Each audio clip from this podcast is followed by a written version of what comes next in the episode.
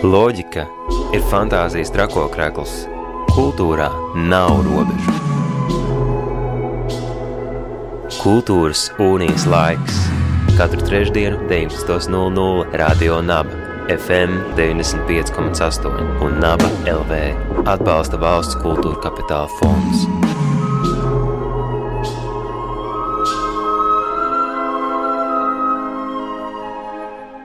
Radio Nabērā raidījums Kultūras Unijas laiks, un kā ik katru trešdienas vakaru, Radio Naba viļņos mēs runājam par aktuālo mākslā un kultūrā. Mans vārds ir Anita Enikova, un šo stāstu mēs sāksim ar um, kādu izstādi. Pavisam nelielā galerijā, kas uh, jau ir pierādījusi un parādījusi sevi, ir uh, tādas pavisam siltas vēsmas, vēsmas no Losandželosas. Un uh, mūsu sarunu temats ir izstāde. Laikapstākļu modifikācijas institūts. Kas ir šis mītiskais, mistiskais institūts un ko tas uh, rudenīgajos vakaros, kad vētra plosās, mums piedāvā un kādas vēsmas tas ir atvedis no Losandželosas. Mēs šovakar sarunāsimies ar arhitektu Heliju Savicki, kas ir viens no šīs izstādes autoriem. Sveiks, labvakar! Labvakar! Sāksim ar to sākumu. Kas tad īsti ir laikapstākļu modifikācijas institūts? Tā ir tāda fiktīva institūcija, kas pēta šo fenomenu par mākoņu sēšanu. Um, tas ir tāds tiešām fiktīvs institūts. Vienā vārdā tas kritizē katrā ziņā jebkādu institūciju, kas ir atļāvušies modificēt laikapstākļus. Tādi institūti ir ļoti daudzi, kas pēta, modificē un piedāvā kā tādu produktu laikapstākļu modifikāciju. Tikai nosacīti šī izstāde ir par zinātni. Tā ir uh, vairāk par Losandželosas ūdens apgādes sistēmu un pastāsti, kāds ir tas sākums. Tas sākās kā tāds pētījums pirms vairāk nekā diviem gadiem ar tādu interesi um, par metropolēm, megapolēm, un lielām pilsētām virs 20 miljoniem un to problemātiku, kā piegādāt resursus šiem te pilsētām, ne, kas ir pāraugušas vairākas reizes savus robežas, un viņām ir nepieciešams vēl vairāk, vēl intensīvāk piegādāt resursus, um, un kā pirmo resursu minot ūdeni. Losandželos pat par sevi, kā ļoti daudzas mūsdienu radušās pilsētas, es minu, teiksim, 19. un 20. gadsimtu. Pilsētu tehn tehnoloģija piedāvāja tādu iespēju radīt pilsētas tuksnesī, radīt pilsētas nekurienē, jo mūsu ūdens apgādes sistēma ir iedavusi šādu iespēju piegādāt ūdeni uz vietām, kur tas iespējams nav bijis paredzēts. Kā mēs apskatītos pilsēšu, pilsētu rašanos, teiksim, gadsimtu. Gadsimtus atpakaļ pārsvarā bija vai nu pie jūrām, vai nu pie lieliem ezeriem, vai ne kā pirmās pat latviešu arājušu pilis uz ezera topa vai Daugavas krastā, bet tā ar laiku, laikiem ejot, tehnoloģijai attīstoties, um, cilvēks saprata, ka viņa var arī veidot pilsētas tur, kur ūdens nav. Un tā nav vienīgā pilsēta, kā Losandželos, ir arī vairākas citas, teiksim, apvienotajos Arābu Emirātos un Ķīnā un vēl visādās vietās, kur pilsētas ir radušās bez ūdens klātbūtnes. Un tieši šis te fakts sāka mums likt pētīt to, tos veidus, kā ūdens tiek aizvadīts līdz šīm lielajām pilsētām. Un Losandželos, protams, bija tāds spilgts piemērs ar to, ka problēmas ir ikdienā, ūdens pietrūkst. Un tad mēs sākām pētīt, un mēs sākām sekot šim te ūdens vadām um, uz ziemeļiem, uz austrumiem un skatīties, no kurām vietām šī pilsēta padzerās sekojām vairākus mēnešus ar mašīnu, braucām, filmējām ūdensvadu un sapratām, ka ūdensvads pa ceļam ir izdzēris vairākus ezerus, par to būtu, teiksim, puse izstādes, vai ne? Bet tad tālāk braucot, mēs uzzinājām, ka tiek modificēti laikapstākļi, jeb tiek palielināts lietus daudzums, lai pievadītu šai sistēmai vairāk ūdeni. Tas ir bez mazāk kā ķert mākoņus, tos likt kolbās, transformēt ūdenī un laist tos visus pa trubu. tieši tā uzglabāt, kā mēs varētu iekonservēt un uzglabāt ūdeni. Un tieši tajā brīdī, kad līst lietus vai sniegs, sniegs. Ap Losandželos ir sabūvēti 40, 50, 60 rezervuāri, kas tiešām tur šo ūdeni un sausajā laikā pievada nepieciešamo ūdeni pilsētai, lai pilsēta varētu padzerties. Bet kā mēs esam dzirdējuši vai redzējuši, rezervuāri ūdens līmenis krītās, strauji krītās, un tad šīs ierīces tiek norentētas, nofokusētas pret šiem rezervāriem, un notiek mērķtiecīga mākoņu virzīšana uz šiem rezervāriem, lai viņi pielīst pilni atkal. Cik garš ir šis ceļš, ko jūs mērojāt? Un jāpiemina, ka tu neesi vienīgais vaininieks pie šīs izstādes. Tev bija um, partneri crime, kā var teikt, Jūlija Obleitnere. Uh, arī māksliniece. Uh, kā jūs uh, atradāt šo māksliniecisko kopīgo valodu? Um, es teiktu, ka valoda ir Tomēr arhitektoniski pētījums nāk no arhitektūras skatu punkta. Ļoti lielā mērogā mēs apskatām, ļoti bieži mūsu sarunās mēs apskatām ne tikai pilsētas, ne tikai štata vai valsts, bet mēs tiešām apskatām lielas sistēmas, teiksim, ģeopolitiska mēroga sistēmas, bet mēs varam viņas noreducēt atpakaļ uz 12 metru dizaina objektiem, un mēs ļoti bieži sarunās ar Jūliju lēkājam no mērogiem. Kā viens maziņš objekts var iespaidot visu kontinentu laikapstākļos, vai enerģijā, vai jebkāda cita veida resursā, un, teiksim, sarunājamies, jo tas galu galā ir dizains. Tas ir dizaina objekts, šīs modifikācijas iekārtas, tie ir dizainiski objekti, ko mēs varam analizēt un strukturēt um, arhitektoniskā valodā. Kas jums, kā arhitektiem, bija tāds lielākais izaicinājums veicot visu šo izpēti un pētījumu? Visu šo ļoti plašo tematu reducēt uz kādiem 12 mākslas darbiem. Tieši tāpēc mēs. E, ierodoties Losandželosā, jau pirms ierodoties Losandželosā, pieņēmām lēmumu par to, ka tiks veidot filmiņa. Lai filmas formātā, mm, kas, teiksim, kā arhitektiem nav gluži dzimtais mēdījis, um, mēģinātu, mēģinātu komunicēt šo tematu pēc iespējas precīzāk, pēc iespējas mazāku interpretāciju, bet tomēr ar kādu iespēju fantazēt par nākotni. Vai jums neradās arī kāda ambīcija to visu pārlikt eh, ne tikai video formātā, bet arī tādā telpiskā objektā? Bija, protams, vēlmes par telpiskiem objektiem, uh, ir nedaudz telpiski objekti. Izstādē nāciet skatīties, uh, bet es vēlētos, lai cilvēki apzinās, Tas nav svarīgi latvieši, vai spāņi, vai vācieši, vai meksikāņi, bet lai cilvēce sāk apzināties. Jo šis temats nav tā bieži pacelts gaisā. Es vispār neesmu dzirdējis, ka kāds ļoti bieži par šo runā. Ir bijuši, ja apskatāmies internetā un papētām šo tēmu, es aicinu visus papētīt šo tēmu. Papētiet, tas nav, tā nav fikcija. Tā nav fikcija. Tas tika atklāts 46. gadā, un to izmanto. Tā nav nekāda fikcija. Tas, eh, tā nav, es arī nevēlētos nevienu vainot. Kad, eh, es nevēlētos nevienu vainot par šo, kas ir noticis, bet apzināties. Apzināties to varbūt tās, ka nedaudz tas ticis slēpts, no šīs kolektīvās apziņas mūsu cilvēcei, vai varbūt tās uzdot jautājumu, kāpēc tas ir ticis slēpts. Bet tā būtība. Um, Mākoņu stumdīšana pareizajā virzienā jau nu, nu, nav nemaz tik slikta lieta. Uh, varbūt mēs arī paši varam kaut ko no tā visa mācīties. Daudzi uzskata, ka tā ir lētā. Ir alternatīvas metodes, kā piegādāt ūdeni pilsētai mēs varētu filtrēt okeānu ūdeni no sāls, teiksim. mēs zinām, Losandželos blakus skaistajam okeānam, Venīzes beigā mēs varētu sākt un uh, filtrēt to ūdeni. Tā ir ļoti dārga procedūra. Ļoti dārga, vai ne? Un saka, ka tā ir lētāk. Tā esot lētāk un efektīvāk. Un tā efektivitāte zinātnieki saka, līdz 15% palīdz, vai ne?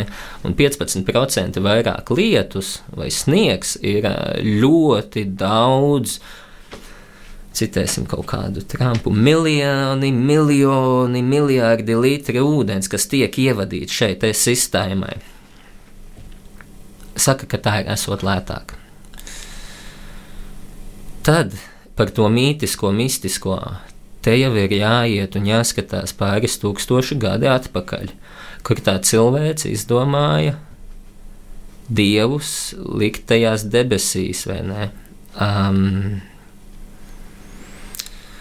di, di, di, nu, to, to, to vēlmi kontrolēt debesis, vai tā sapratne, ka debesis kontrolē mūs, kā vienmēr ir bijis, ka raža tiek kontrolēta, plūdi tiek kontrolēti un vispār tāda labsajūta tiek kontrolēta no UV gaismas un H2O molekulām mūsu, mūsu apkārtējā dzīvē. Tas jau sniedz tā mītiskais aspekts, sniedz tūkstošiem gadu atpakaļ, ka mēs ar, ar visām satelītu tehnoloģijām, um, radiosignāliem, pasaules uh, savienošanos visādās tehnoloģijās, zinātnēs, joprojām ar matemātiskām formulām nespējam līdz galam pareģot laiku. Mums ir tikai kāds īsts nogrieznīts, kurā mēs pareģojam šo laiku. Un tagad ir tā vēlme pēc kontroles kontrolēt tos laikapstākļus. Un tāda kontrole jau ir bijusi agrāk, teiksim, uh, arhitektūrā. To mēs varētu redzēt. Uh, tas uh, Luīs 14. vai ne Saules dievs, tas Francijas karalis, tas man liekas, sākās kaut kur tur ka mēs sākam veidot visas tās strūklakas pils priekšā. Es esmu saules dievs, vai ne? Un es tagad sabūvēju tādas strūklakas, man ir kontrole pār ūdeni. Vai ne, un tu, tas, tas bija tāds Eiropas vēlme ko, senā kontrolēt, vai ne? Bet tas ir visādās tautās, kultūrās. Arī to pašu, ko mēs izstādē pie, pieminam par um, pirmi, Amerikas pirmie, pirmie dzīvotājiem, jeb indiāņiem, vai ne, viņiem arī bija lietus dievs.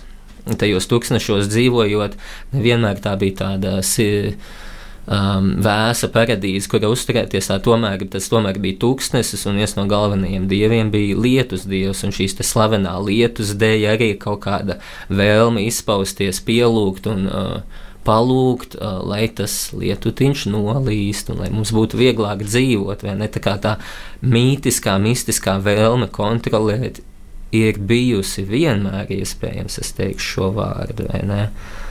Mm, tā sadzīvošana ar laipa, laikapstākļiem, vai ne? Um, un tagad tehnoloģija deva tādu iespēju 46. gadā stumdīt mākoņus. Kas bija varbūt tāds jautrākais, smieklīgākais, um, varbūt kuriozākais notikums visā šajā garajā braucienā? O, vairāki. Brauciens bija kā 2000 km, līdz mēs atradām tās pirm, to pirmo un vienīgo laikapstākļu modifikācijas iekārtu. Mēs bijām nu jau vairāk ne Kalifornijā, bet tur, tur ir tāds uh, Tahoe ezers, kas ir uz, pusē, uz pusēm ezeram pa vidu iet štata robeža starp Nevadu un Kaliforniju, vai ne? Puse ezers ir Kalifornijā, puse ezers ir Nevadā, un blakus pilsēta Rīno, tā ir tādā otra lielākā pilsēta aiz Lasvegasas ar ļoti daudz kazino un tādām lietām. Un mēs zinājām, ka ap šo ezeru ir jābūt vienai no iekārtām un tas atradās Olimpiskā slēpošanas kurortā, bāzes vietā. Un mums bija jātiek augšā, lai uzfilmētu šo te iekārtu, vai ne? Mēs esam tur nolidojuši cik tālu Amerikā, un mums ir jāuz, jā, jāredz vismaz viena, lai mēs paši noticētu, ka to tiešām dara. Mēs nu, kamēr ar savām acīm neieraudzīs to iekārtu, es neteikšu, ka es līdz galam ticēju, ka tas tā notiek.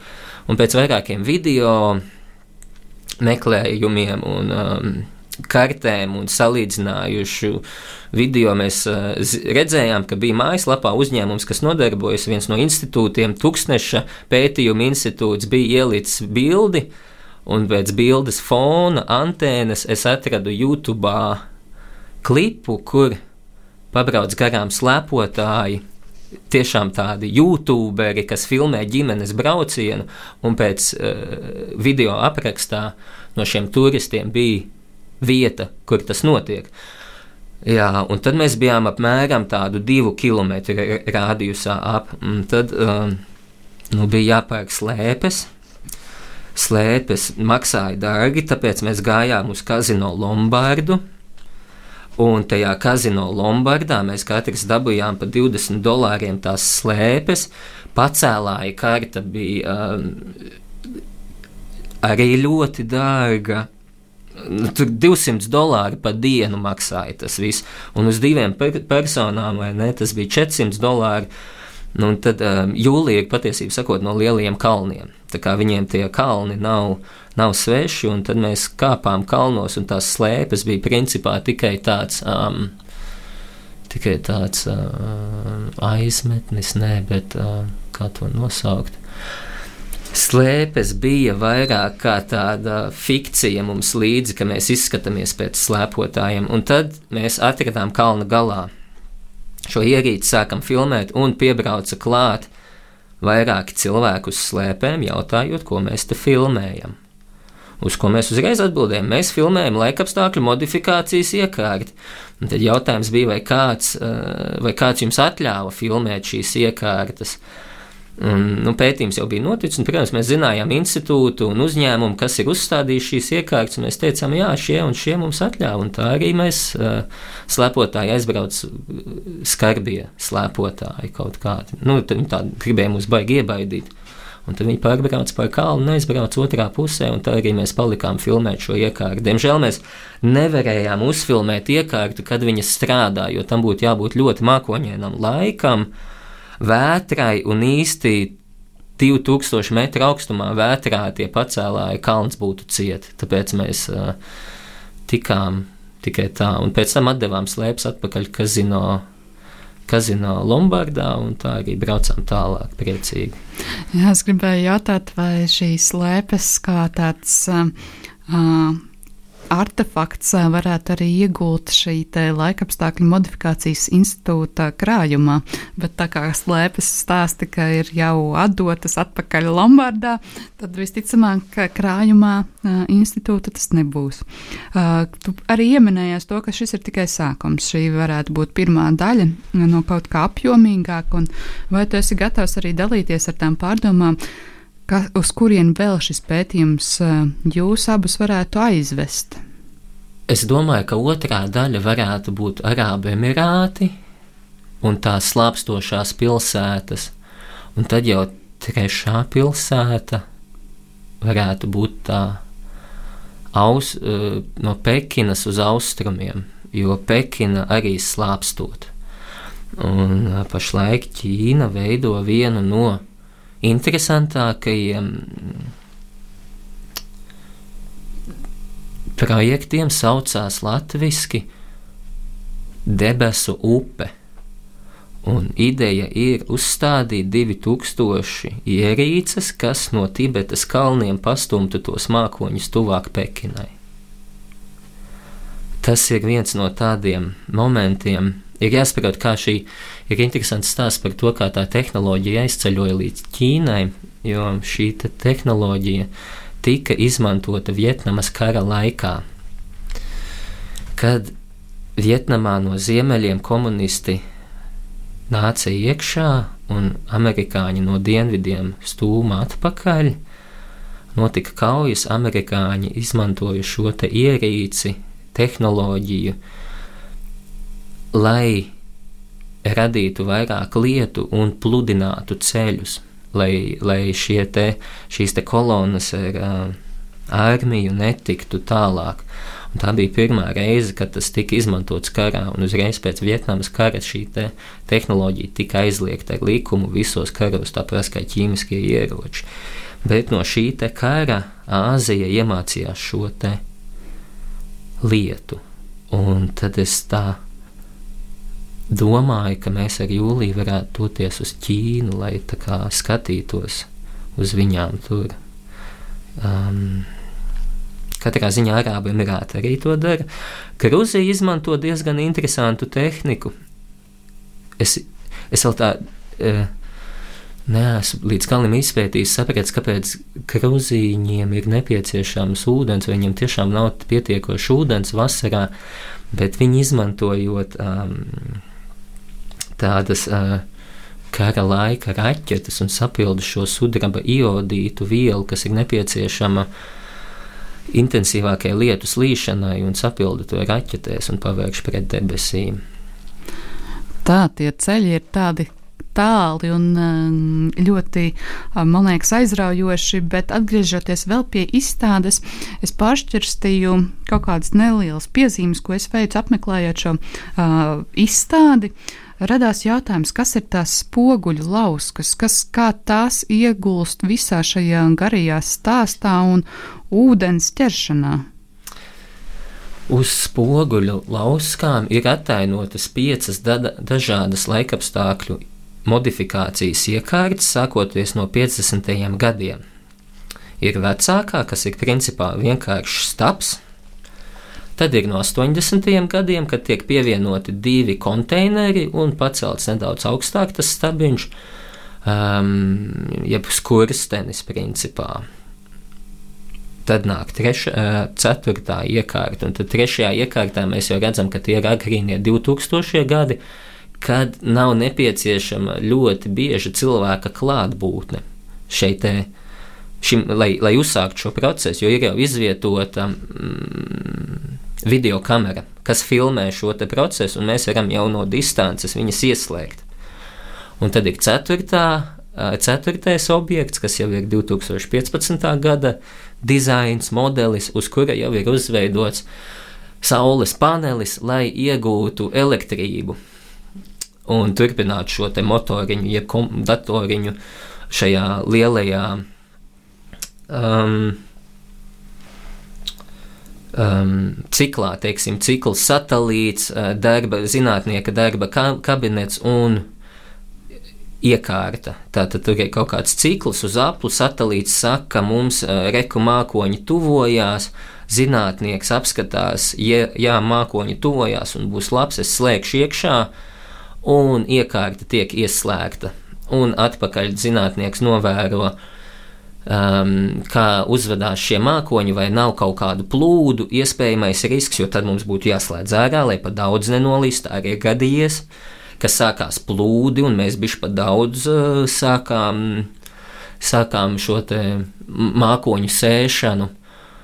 Un, uh, Un, jā, un tur, teiksim, tajām četrām lauskām mēs redzam tādu dizaina attīstību. Un kāpēc viņi ir uz UV drukas? Uh, viņi ir veidot uz UV drukas, uz tāda, kā jau minēja, spoguļa, nu, lai tu katrs to savu sēņu redzētu fonā, teiksim, kurš atnāk apskatās un, un, un, un redz sevi, redz to ainavu, viņas ir nostādītas uz ainavas. Apkārt mēs, un, un, un tās ir šīs visas ierīces, ir atveidotas uh, digitālā reprezentācijā, jeb pārmodelētas no fotografijām, ko mēs esam ievākuši internetā. Es neesmu visas šīs iekārtas redzējis dabā, es esmu tikai vienu atradis, un tas jau bija ļoti ilgs process atrast vienu. Bet pārējās es redzēju, un jūs varat arī redzēt, aps, ievadot šos atslēgas vārdus internetā, un jūs atpazīsiet ļoti daudzas. Bet es nevēlējos iz, izrādīt uh, Mēs nevēlējāmies izrādīt citu cilvēku fotogrāfijas, kas jau ir diezgan mākslinieciskas, bet uh, tāpēc mēs kā arhitekti um, rekonstruējam viņas digitālajā vidē, kā jau mēs to darām ar jebkuru māju, ko mēs pētām un būtu gatavi apskatīt, mēs, lai viņu labāk saprastu, mēs viņu rekonstruējam digitālajā vidē.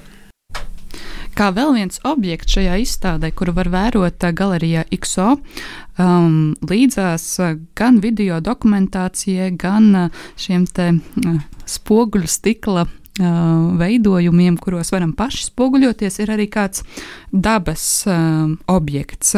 Kāds ir šī dabas objekta iekļaušanās stāsts šajā kompozīcijā, kas ir um, izstādē? Izstādē ir izlikts un ierāmēts palmas zars, kā tāds. Um, jā, kā tāda apsolītā zeme, apsolītā paradīze. Daudz tic, ka tā ir tā Losandželos un Kalifornija ir apsolītā zeme, bet uzreiz man ir jāsaka, ka Kalifornijā palmas vēsturiski nav augušas. Palmas nav pat koks. Palmu, palm tree, ja mēs klausāmies angliski, ja palmu koks, tas ir īstenībā augs. Un palma ir ievesta Kalifornijā, tāpēc kā tiek ievesti visi resursi, bet mēs varam arī to palmu zaru lasīt kaut kā citādāk, teiksim, um, kristiešu baznīcā tas ir kā simbols paradīzei, vai ne, un tiek diezgan bieži izlikts, un uh, tā kā mums Latvijā neaug palmas, bet tomēr kaut kādā vienā vai otrā kultūrā tas palmu zars parādās.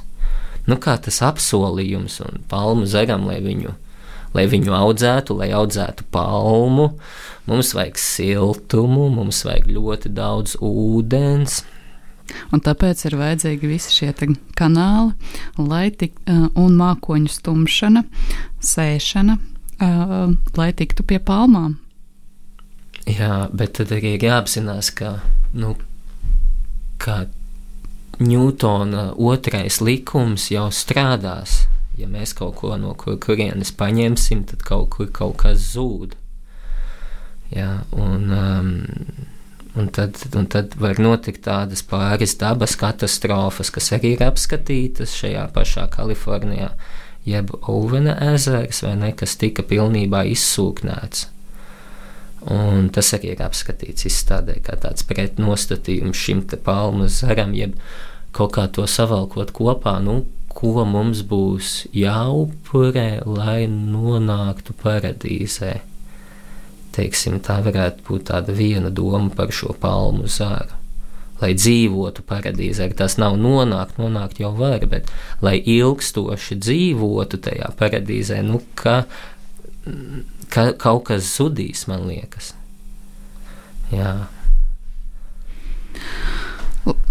Laikapstākļu modifikācijas institūts ar šādu nosaukumu galerijā Māksla XO ir vērojama Helija Savicka un Jūlijas Obleitneres izstāde. Izstāde, kas apkopo un atveda mazu, mazu daļiņu no Losandželosas ūdens apgādes sistēmas. Un šovakar pie mums Radio Naba studijā um, viesos ir arhitekts Helvijs Savickis. Un pamazām noslēdzot arī šo sarunu par uh, tālo Losandželosu lielajiem ūdens apgādes kanāliem un sistēmām, kas ir varbūt tāds tavs utopiskais sapnis, domājot par šo institūtu. Vai tas varētu būt kāda no šī institūta tiešām realizēšanās, vai vēl lielāka fikcija.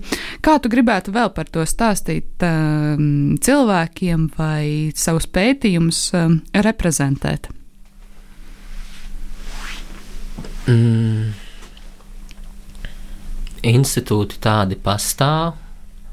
Es novēlu, lai viņi ilgi vairs nepastāvētu tomēr, tomēr skatīties uz pilsētām